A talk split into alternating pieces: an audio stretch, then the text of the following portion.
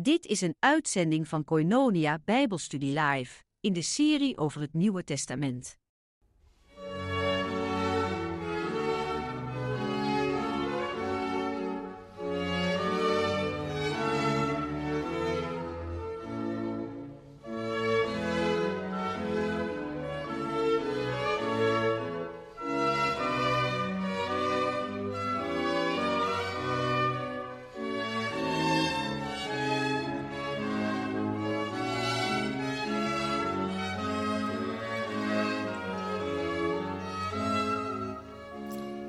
Cornonia Bijbelstudie live dus in de serie Het Nieuwe Testament. Mijn naam is Robert Veen en we gaan het hebben over de Romeinenbrief. Ik heb eerst gedacht, ik ga alleen maar die gedeelten bespreken van de Romeinenbrief die iets te maken hebben met wat inmiddels dus het werk is van Beta Avat Torah. En dat is kijken naar de andere uh, Joodse elementen daarvan. Maar dat kan ook heel goed wanneer we die hele Romeinenbrief gaan doornemen. En dat was ik dus ook van plan. Uh, het zal niet zo zijn dat ik echt alles weet te vermelden en te zeggen wat belangrijk is bij die Romeinenbrief. Want het zal iedereen die daar een studie van gemaakt heeft wel duidelijk zijn dat het een onuitputtelijk onderwerp is. Echt onuitputtelijk. En er zijn ook zoveel verschillende interpretaties van gegeven. Er zijn zoveel boeken over de Romeinenbrief geschreven. Het is echt ongelooflijk hoeveel dit boek juist heeft opgeroepen. Ja, het is ook eigenlijk wel logisch. Het is de meest systematische uiteenzetting van het evangelie die Paulus ooit gegeven heeft. Hij behandelt er hele belangrijke vragen. Het is ook het boek waar de laatste tijd in die zogenaamde nieuwe Paulusbeweging het meeste aan gesleuteld is. James Dunn met dat geweldige tweedelige werk over de Romeinenbrief en dan die studies die Nanos gemaakt heeft over de Romeinenbrief. Allemaal prachtig. En in mijn vorige tijd, ik bedoel de tijd van mijn dissertatie dus, heel lang geleden, 2000 en 2001, in die periode heb ik me er dus ook uitgebreid mee bezig gehouden. En uh, nou ja, ik wilde daar dus ook wat, uh, wat melding van maken. Hoe ga ik dat nou aanpakken? Nou, ik ga geen lange inleidingen geven. Ik ga geen samenvatting geven van wat anderen daarover gezegd hebben. Ik wil het eigenlijk een beetje doen op de manier waarop je in uh, een rabbijnse context, in een Joodse context, een, uh, een boek van de schrift zou bekijken. Dat wil zeggen, we gaan ons beroepen op de Griekse tekst. En anders dan in het Jodendom is die Griekse tekst voor de meeste christenen natuurlijk een verborgen zaak. Maar ik doe dat om twee redenen. In de eerste plaats om diegenen te dienen die wel een studie aan het maken zijn van Nieuw-Testamentisch Grieks. Hoewel ik geen grammaticale achtergronden ga schetsen, dat moet je maar op een andere wijze zien te achterhalen. Of je moet bij mij les nemen in Bijbels Grieks, dat kan namelijk ook nog. de tweede zaak is dat je steeds moet horen en steeds moet beseffen dat de vertalingen die wij maken gebaseerd zijn, echt gebaseerd zijn op de Griekse tekst zoals die hier staat. En dat je moet merken aan de werkvertaling die ik zal geven, dat er soms grote verschillen zijn in de manier waarop je de tekst uh, uitlegt, waarop je de tekst leest. En dat is een goede zaak. Dan weet je ook dat je vertalingen altijd maar een poging zijn om de volle betekenis, de volle rijkdom ook van uh, de tekst van het Nieuwe Testament te vatten. Ik kan in de tijd die ik hier nemen wil in deze uitzendingen echt niet zeer uitgebreid op alles ingaan. Ik kan niet gaan kijken naar de bijzonderheden van de Griekse grammatica en syntaxis. Ik kan niet kijken naar de vele prachtige commentaren die er zijn. Ik zal zelfs niet eens gebruik maken van het werk van James Dunn. Ik kijk wel af en toe even naar de kanttekeningen, want dat is een soort van rashi. Dat zal niet iedereen wat zeggen, maar als je een tekst hebt van de Torah, de vijf boeken van Mozes, dan wordt dat in het Jodendom altijd gelezen met het commentaar van Rashi erbij. Uh, Rabbi Shimon ben Yitzchak, een hele belangrijke commentator op de Bijbel uit, dacht ik, de 12e eeuw of de 11e eeuw. In ieder geval, Rashi die verklaart een hele hoop van de tekst. En dan heb je nog uh, andere uh, verklaarders natuurlijk uit die periode. Dat loopt helemaal door tot in de 20e eeuw. Um, En als je echt een grondig onderzoek doet naar een tekst van Tenach, dan ga je door die hele serie van belangrijke exegeten heen. Ja, dat zou dus eigenlijk ook moeten voor het Nieuwe Testament, maar we hebben een dergelijke uitgave van de tekst eigenlijk gewoon niet. We zijn het simpelweg niet gewend om op die wijze naar een nieuwtestamentische tekst te kijken, omringd met veel commentaar. We hebben wel studiebijbels tegenwoordig, waar een hele eenvoudige kleine uitleggingen van de tekst worden gegeven. Maar daar is geen sprake van een vermelding van de discussie die over allerlei uh, teksten bestaat. Dus, uh, we zijn het gewoon niet gewend en uh, ik kan dat ook niet in, in een uurtje. Hè. Ik kan dat niet opvangen en het zou ook niet heel erg nuttig zijn, denk ik. Want je moet dat gewoon in je eigen studie kunnen oppakken. Dat moet onderdeel worden van je eigen studie van een Bijbelse tekst. Hè, dat je minstens één commentaar hebt waar je het waarschijnlijk volledig mee oneens zult zijn.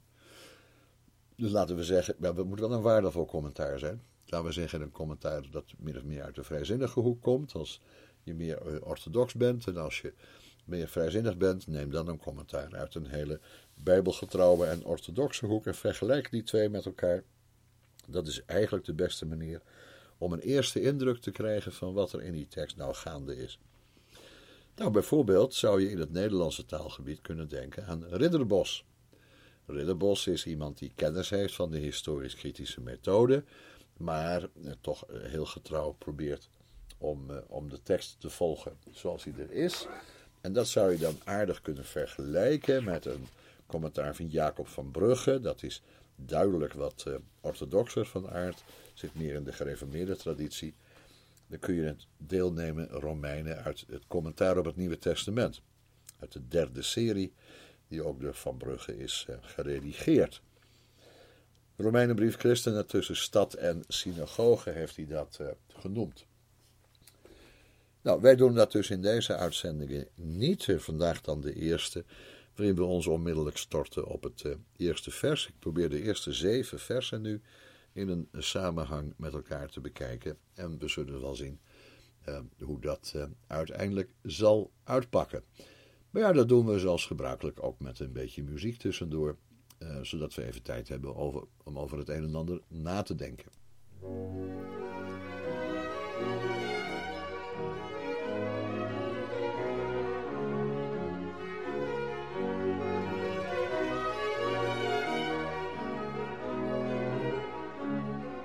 Dit is Koinonia Live.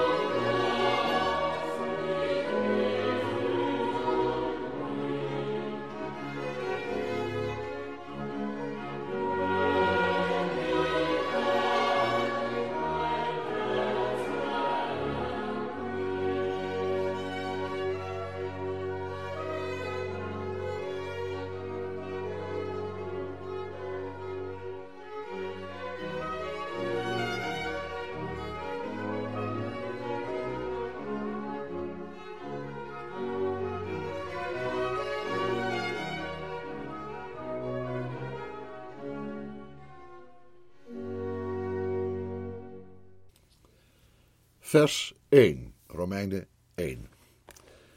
Paulus, Paulus dus, de naam die hij als uh, Romeins staatsburger gekregen heeft toen zijn vader voor hem uh, het Romeins burgerschap kocht. En daar zit een aardige verwijzing in naar zijn oorspronkelijke Hebreeuwse naam. Die is natuurlijk Saul of Shaul. Die naam blijkt van groot belang te zijn geweest op het moment dat Jezus hem roept, omdat de uitspraak die Jezus dat geeft tegenover Saulus uh, heel significant is met betrekking tot die naam. Saul, Saul, waarom vervolgt gij mij? Het is alsof Jezus daar echt als de nazaat van David tegen een nazaat van koning Saul spreekt. Saul blijkt een vervolger te zijn van de gemeente, die het lichaam van Christus is. Dus kan Christus tegen hem zeggen: Saul, Saul, waarom vervolgt gij mij? Namelijk de gemeente, die mijn lichaam is, zodat je eigenlijk in dezelfde positie komt te staan als Saul destijds tegenover de gezalfde koning David. Paulus dus. Paulus beschrijft zichzelf nu in eerste instantie in het eerste vers met de woorden doulos Jesu Christu, een slaaf van Jezus Christus. Slaaf van Jezus Christus. Ook de Jacobusbrief spreekt over de slaaf die uh, de, de, brief geschreven heeft. Judas doet dat. 2 Petrus doet dat. Uh, in de kerk, in de eerste kerk, was een heel duidelijk idee dat iedereen daar in een dienstbaarheidsverband ik zou slavernij nou niet direct willen benadrukken. Doulos is niet een slaaf in volstrekte zin, maar het is een volkomen getrouwe dienaar. Die geheel en al in de levenssfeer van zijn Heer is opgenomen. Geen werknemer dus die nog een eigen leven daarnaast, daarnaast heeft. Het is het besef van een volstrekte verplichting. En dat is wat die douleia, oftewel die dienstbaarheid, eh, hier precies betekent. Nou is uh, hij een doulos Jesu Christus en daarmee wordt al duidelijk gemaakt van de gezelfde Jezus, dus van Jezus Messias. Hij is een, een, dienaar van Jezus Messias. Dat is zijn status, dat is de nederigheid waarmee Paulus zichzelf natuurlijk hier uh, introduceert. Maar het maakt ook meteen duidelijk dat wat hij hier komt doen, uh, ook in naam van die Heer is die hij dient. En vandaar dan ook meteen de tweede uitdrukking die hij voor zichzelf gebruikt: kletos apostolos. Kletos apostolos. Kletos betekent geroepen zijnde. Komt van het werkwoord kaleo. Kletos apostolos. Hij is geroepen tot het apostelschap, kun je zeggen. Of hij is als apostel geroepen. Ik denk dat het mooiste is om te zeggen geroepen om een apostel te zijn. En een apostel is eigenlijk een hele bijzondere doulos. Een hele bijzondere dienaar. Een apostolos, uh, dat woord in het Grieks is de vertaling van het Hebreeuwse woord sheliach. Maar ook in Nieuw-Testamentisch Grieks, in het Grieks dus van de eerste eeuw, wordt een apostolos gebruikt als een zaakwaarnemer. Zaakwaarnemer is iemand die door de Heer wordt uitgestuurd om namens die Heer ook uh, zaken te regelen, om geschillen te beslechten, om de opdrachten van die Heer door te geven. En daarbij heeft hij een soort volmacht om uh, zelf ook op te treden hè, buiten de letterlijke opdrachten en voorschriften die de Heer gegeven heeft. Een gevolmachtigde dus, uh, die de zaak van zijn Heer waarneemt, de belangen van zijn Heer dient maar dus niet zomaar een slaaf die alleen maar geboden uh, moet opvolgen. Dat woordje apostolos kwalificeert dus dat doulos nog eens meer. Dan een slaaf moet in de buurt zijn, die geeft je opdrachten, die kun je hoger op een boodschap sturen. Maar de hoofdzaak is dat we hier met een zaakwaarnemer te maken hebben, die helemaal op eigen gezag uh, allerlei zaken mag, mag regelen. Wat hebben we dus? We hebben een Paulus die een dienaar is van Jezus, Messias, een geroepen, een geroepene tot het apostolaat, geroepen om een apostel te zijn. En dan staat er aphorismenos eus evangelion theu. Aphorismenos betekent apart gezet. Apart gezet klaargemaakt voor, afgezonderd. En dat is overduidelijk dan een daad van Gods wegen. Net zoals kletos een daad van Gods wegen is. Geroepen apostel en een afgezonderde. Hij is een afgezonderde en heeft maar één enkel doel, één enkele sfeer waarin hij op moet treden. En dan staat er eis evangelion Theu. Het is het evangelie van God. Het evangelie dat gaat over wat God gedaan heeft, maar het is ook het evangelie dat van God uitgaat. God brengt deze boodschap in de wereld. En daarvoor was Paulus afgezonderd. Dat afgezonderd zijn kun je op twee manieren lezen. Je kunt zeggen, nou ja, net als bij Jeremia, hij is afgezonderd geweest vanaf de moederschoot, voorbestemd dus om dit werk te gaan doen. Of je kunt zeggen, nee, dit evangelie van God, zoals hij dat hier in die brief aan de Romeinen nog een keer uiteenzet, daartoe is hij afgezonderd geweest. Dus die afzondering is dan iets wat heeft plaatsgevonden in uh, zijn uh, bewuste, uh, in zijn volwassen leven. Het gaat dan niet om het apart gezet zijn vanaf de geboorte, maar om het apart gezet zijn tot deze bijzondere taak. Drie termen dus, waarin Paulus zichzelf, of eigenlijk vier, nee, we, ik moet zeggen vier. Doulos, hij is een dienaar van deze Heer, Jezus Christus. Hij is daartoe geroepen, kletos, en wel in de hoedanigheid van een zaakwaarnemer, een apostolos. En dat houdt in dat apostolaat heeft betrekking op het evangelie van God, want daartoe is hij afgezonderd. Daarom is hij apart gezet. Apart zetten kan hier ook eventueel betekenen dat hij als een apostel apart is gezet ten opzichte van de andere gelovigen, maar op grond van de roeping die God hem heeft gegeven.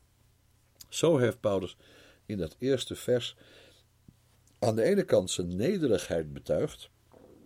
Hij is ook maar een doulos, ook maar een slaaf, een dienaar. Maar aan de andere kant heeft hij met betrekking tot het evangelie, en, en, tot geen enkele andere zaak, maar met betrekking tot het evangelie dat hij gaat uiteenzetten in, uh, in deze brief, daartoe heeft hij dat apostolaat ontvangen. Hij spreekt dus namens die Heer in de uitleg van het evangelie van God.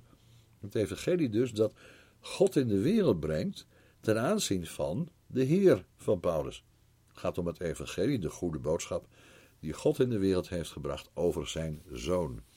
Zo wordt dat hier dan voorgesteld en daarmee hebben we dus vers uh, uh, 1, uh, denk ik in eerste instantie, voldoende uitgelegd.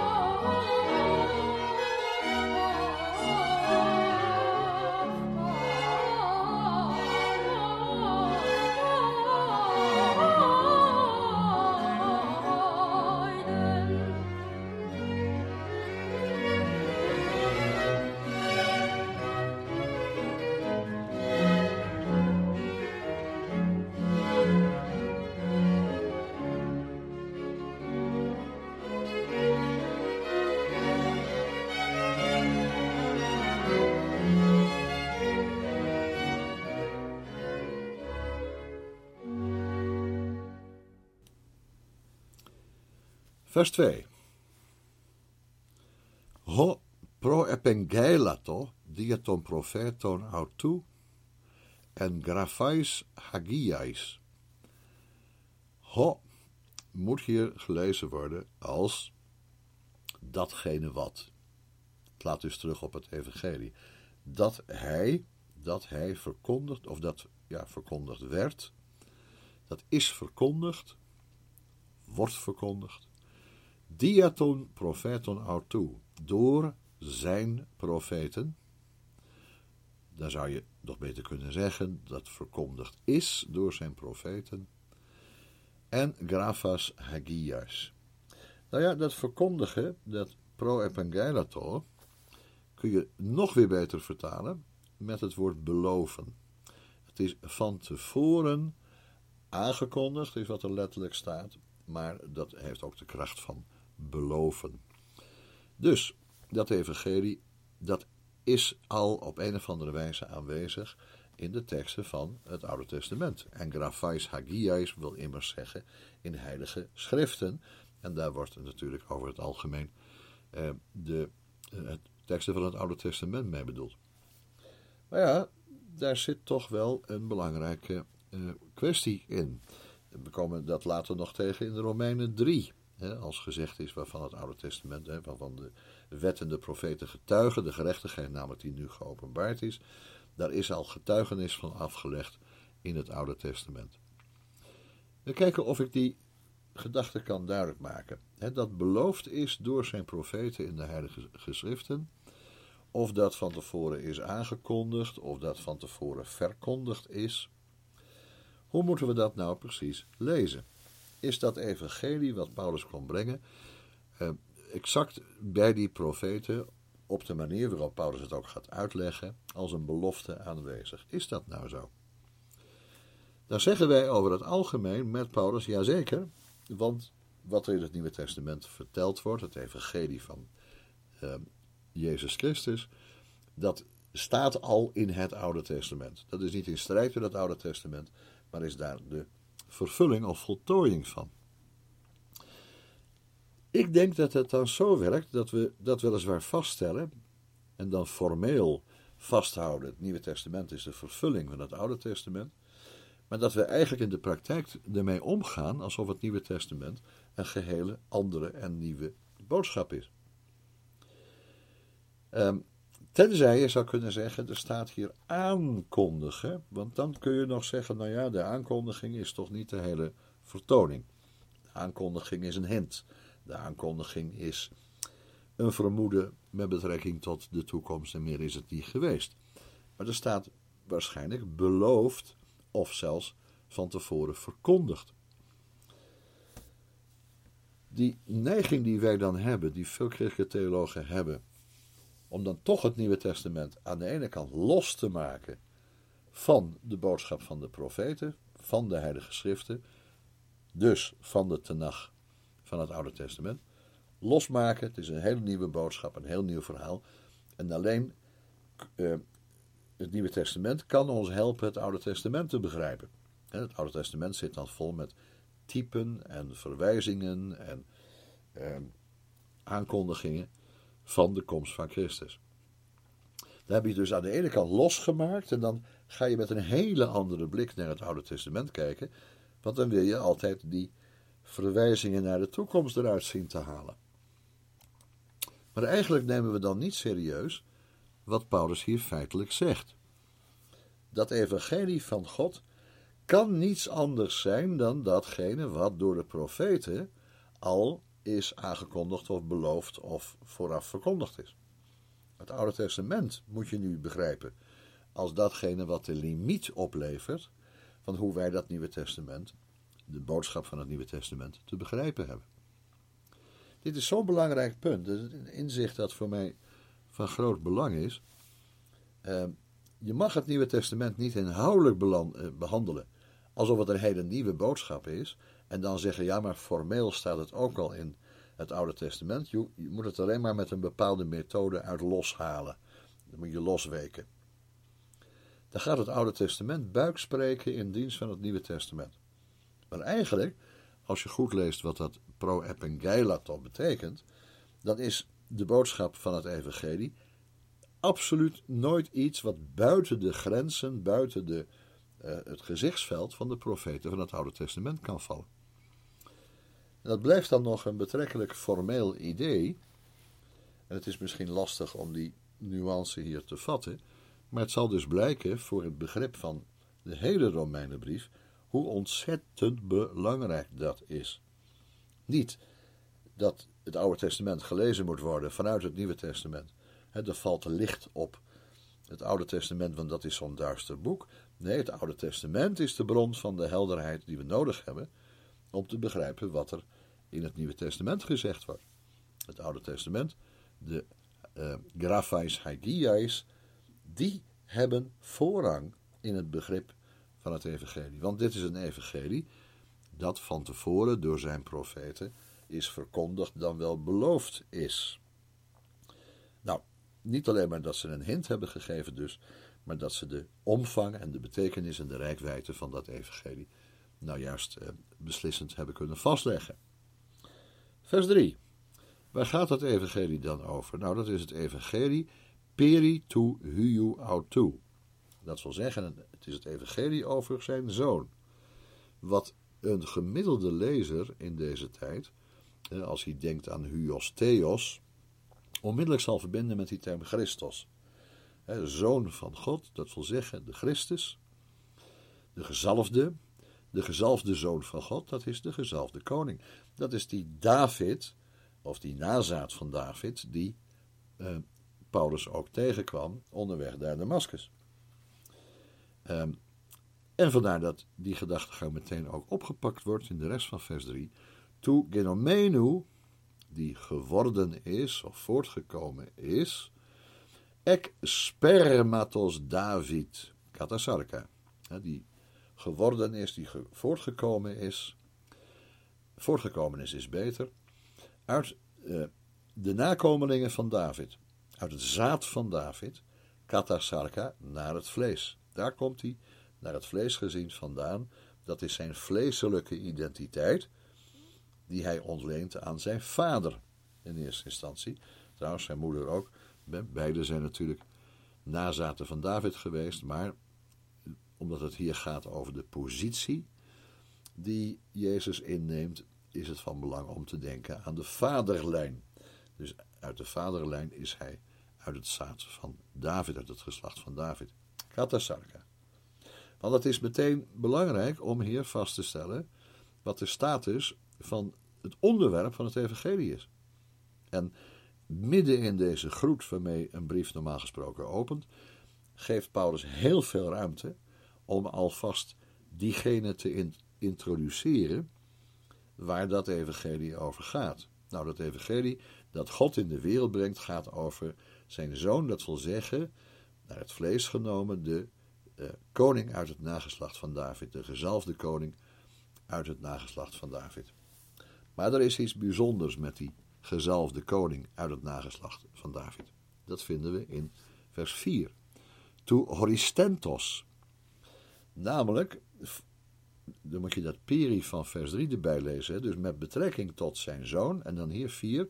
Met betrekking tot, namelijk, degene die horistentos, die is bepaald of aangewezen of uh, verklaard is.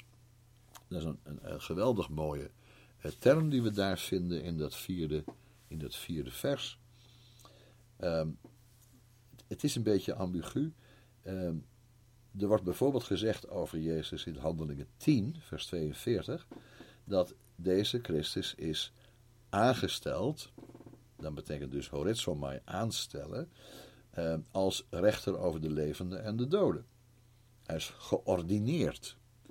En dat zou hier heel mooi passen, dat hij geordineerd is zoon van God te zijn. Dus hij is geordineerd, hij is bepaald, hij is verklaard, zou je het nog kunnen, zoon van God te zijn. Ehm, dat is dus niet zomaar vanaf zijn geboorte duidelijk. Nee, er is ook een aanwijzing gegeven en dat zal een onderdeel blijken van het evangelie van God, een aanwijzing gegeven dat hij waarachtig die goddelijke, nee niet die goddelijke zoon, de zoon van God is in de zin van de Davinische koning.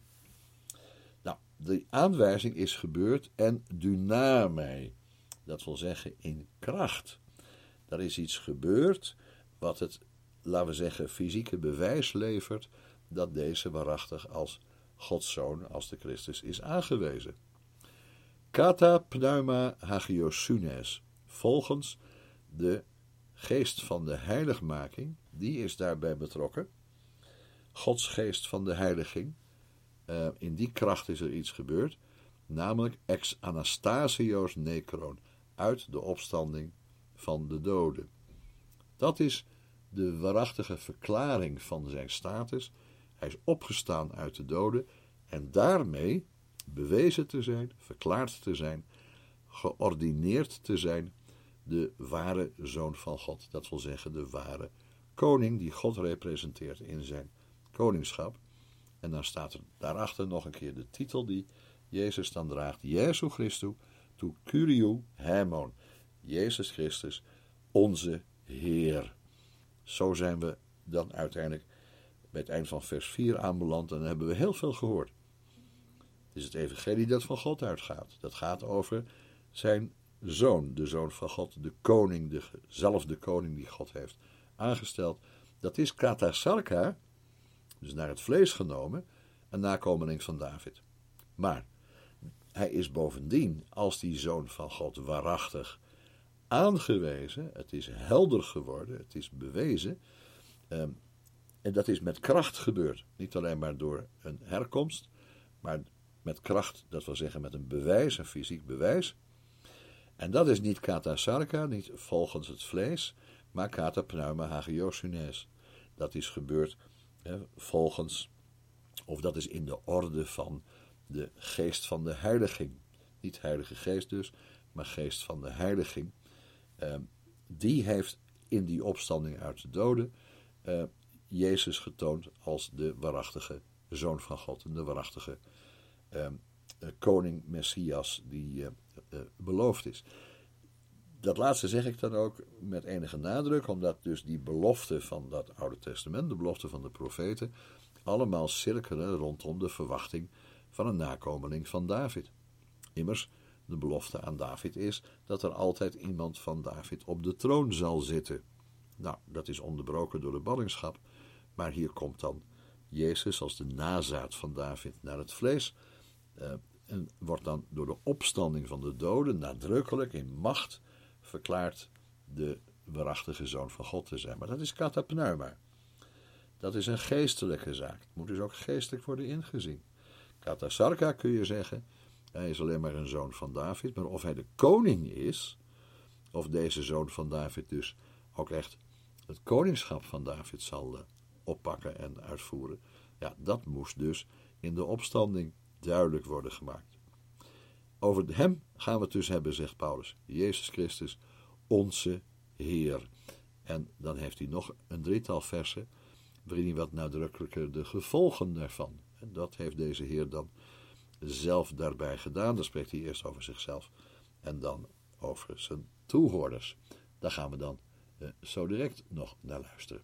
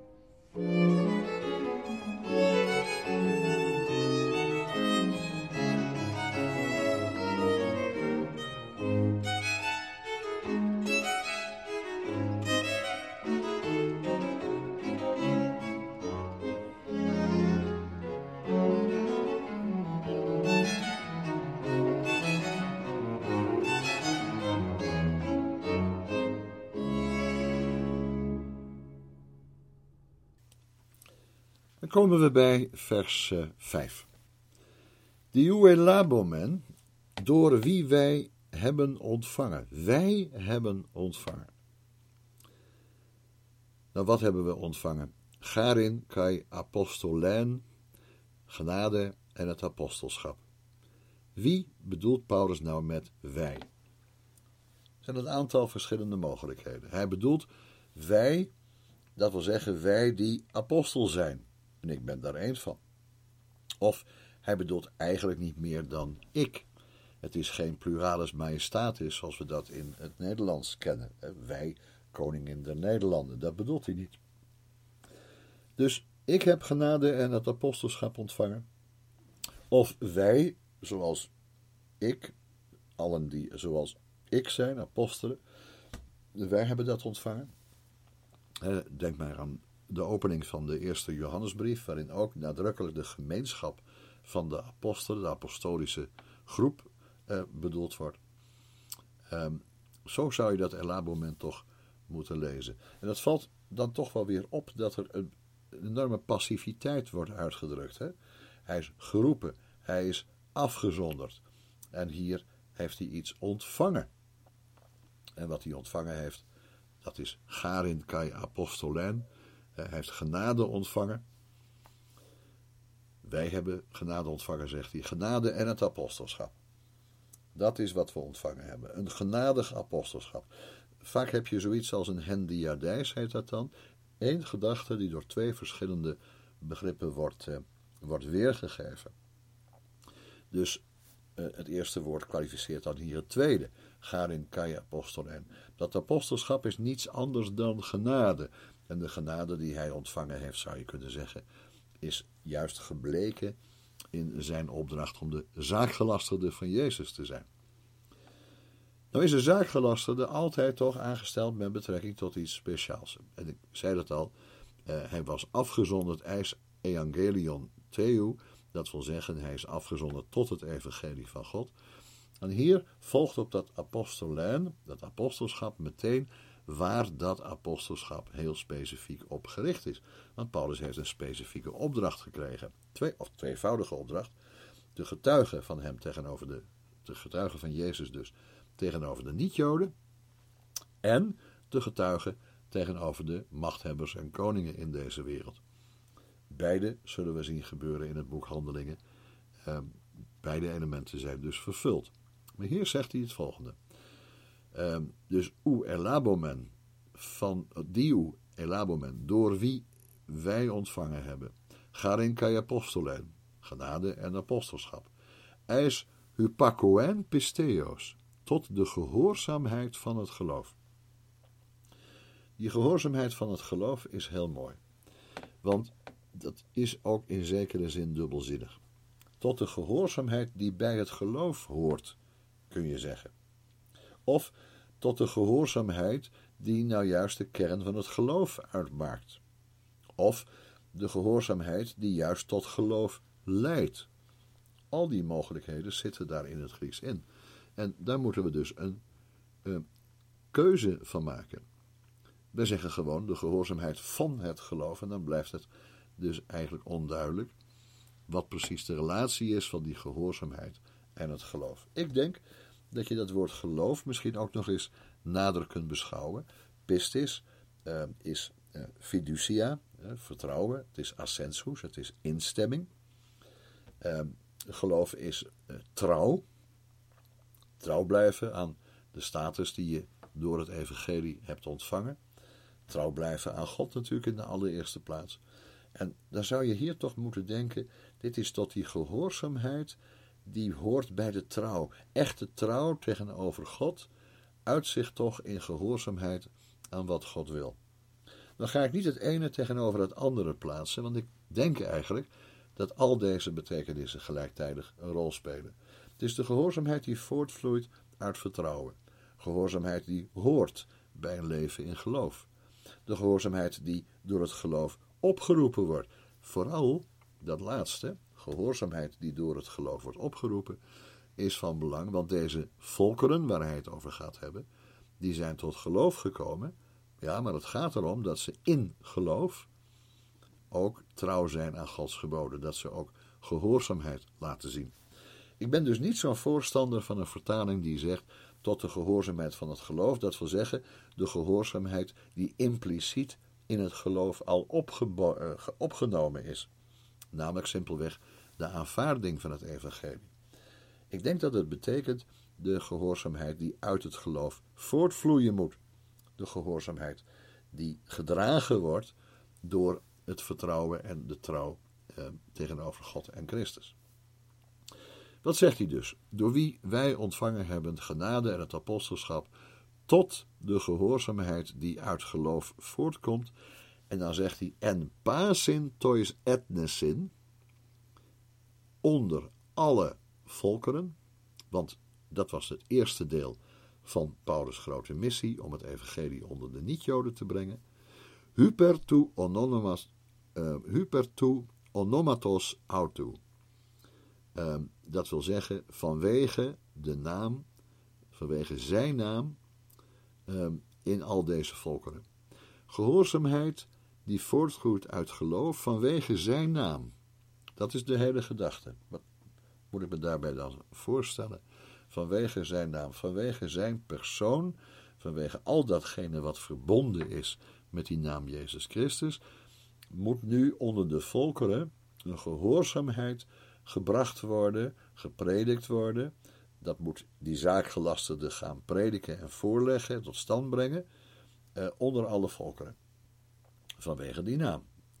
Eh, het is die naam die het doet. Het is de naam van Jezus die dat doet. Jezus begrijpen wil zeggen voor die niet-Joodse volkeren dat ze tot gehoorzaamheid komen aan God op grond van geloof, op grond van hun vertrouwen in de boodschap van het Evangelie, vanwege zijn naam. Nou ja, eh, dat is de totale uitleg van het Evangelie tot en met vers 5. Dan komt vers 6. En hois onder wie kai humeis, ook jullie zijn. Onder wie ook jullie zijn. Jullie, gelovigen in Rome, jullie horen bij die uh, etnoi, bij die volkeren die geroepen zijn tot die gehoorzaamheid van het geloof. Jullie horen er ook bij, want jullie zijn kleitoi Jesu Christus. Uh, letterlijk dus geroepenen van Jezus Christus, dat wil zeggen door Jezus Christus. Jullie zijn geroepen door Jezus Christus. En uh, dan komt hij in vers 7 tot de afsluiting van uh, deze adressering. Pasin namelijk, aan allen namelijk tois oezin en Romei. Aan allen die nu leven, die zijn in Rome. En wat zijn die? Agapetois theo, kletois hagiois. Er zijn geliefden van God, agapetois theo. En ze zijn geroepenen, geroepen heiligen. Zij zijn geroepen en heilig, maar goed, geroepen heiligen, geroepen dus tot heiligheid. We hadden dat eerder.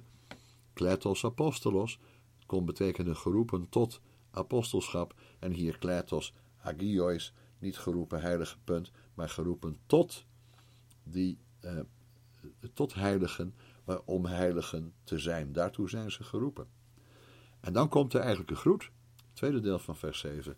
Charis humin kai erene apoteu. Genade zij jullie.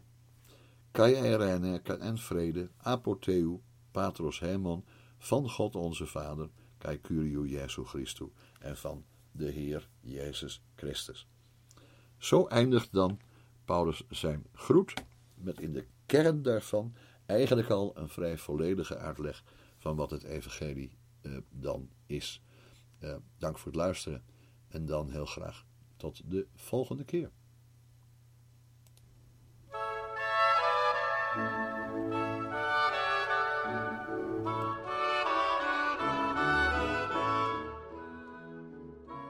Dank voor het luisteren naar Beet Ahavat Torah. Graag tot ziens.